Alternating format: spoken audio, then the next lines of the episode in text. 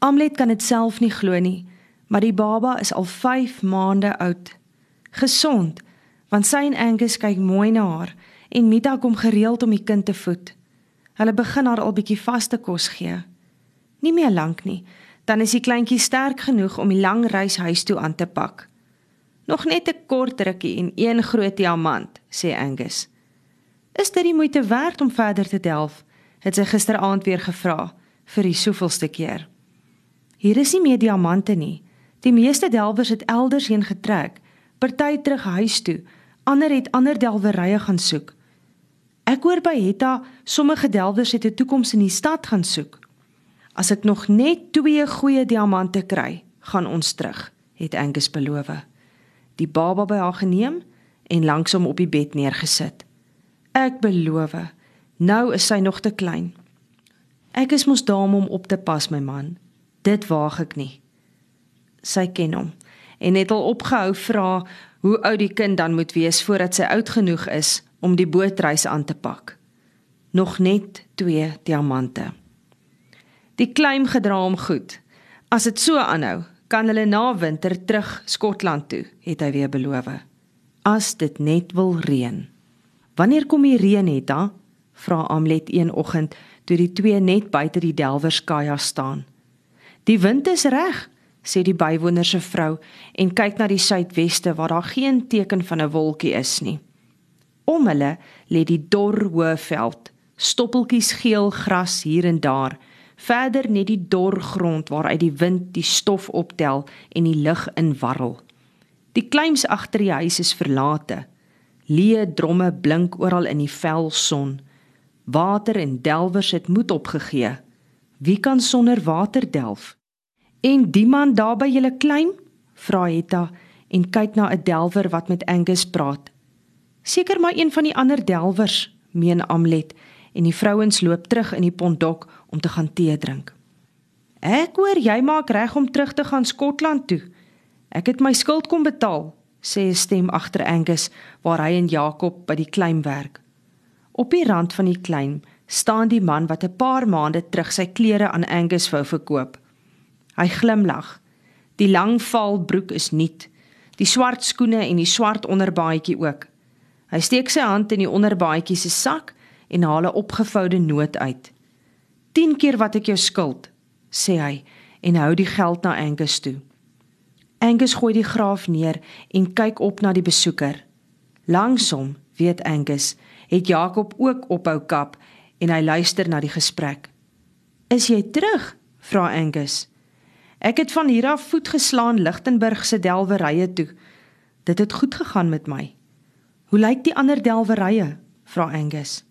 Beter as hier, maar dit bly 'n delwery. Jy weet mos, elke dag is soekdag, maar nie elke dag is krydag nie. Hy lag. Dit lyk vir my darm of dit vir jou krydag was, vra Angus. Die Here was goed vir my. Ek gaan terug plaas toe want ek kan my grond afbetaal en vir my beeste koop. Die Here was goed vir my. Nou bring jy my geld terug. Angus klim uit en kom by die vreemdeling staan met rente. Die man steek sy regterhand uit asof hy Angus wil groet. "Dankie," sê hy en die trane van die vorige keer is weer in die bruin oë. "As jy my nie gehelp het nie, was ek nie meer hier nie. Ek het net kom dankie sê." Gehoor jy wil ook huis toe. Ek wag net vir my kind om groter te word. Moenie nog wag nie. Jy's 'n eerlike man, sê Angus en vat die man se hand. Jy moet hier oppak en Lichtenburg toe gaan. Dit is nou te laat, antwoord Angus. Hier is niks, hou die kerel vol. Maar voordat Angus nog kan dankie sê, het die vreemdeling omgedraai en geloop. Hulle hoor hom vrolik fluit. Kan jy dit glo?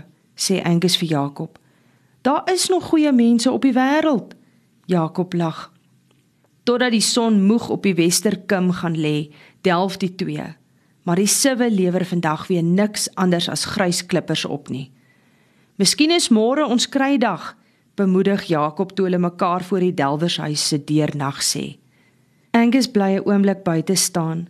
Binne hoor hy Amlet vir die baba sing en hy wag omdat haar hemelse stem hom soos altyd bekoor en omdat sy die verlange dieper in hom insing, want hy ken die liedjie van sy kinderdae af.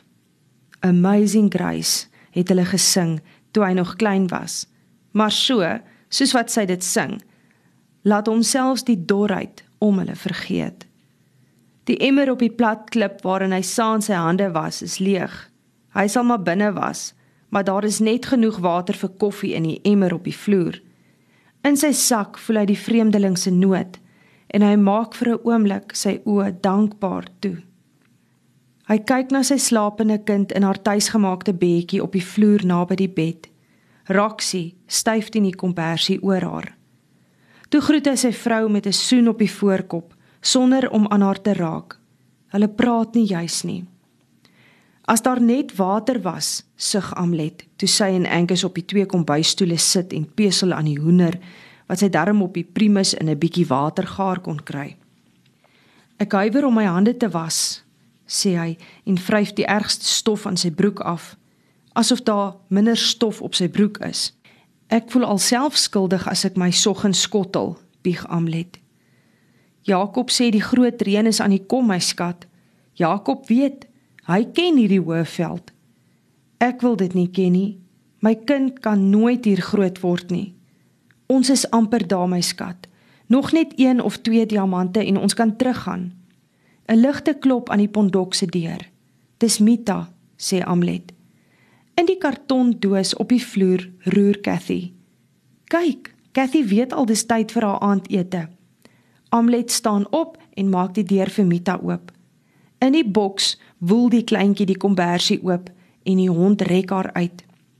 "Naand Mita," groet Angus en loop uit om buite onder die helder sterre te gaan staan en om soos elke aand te wag totdat die kind klaar gedrink het. Ver weg blits dit.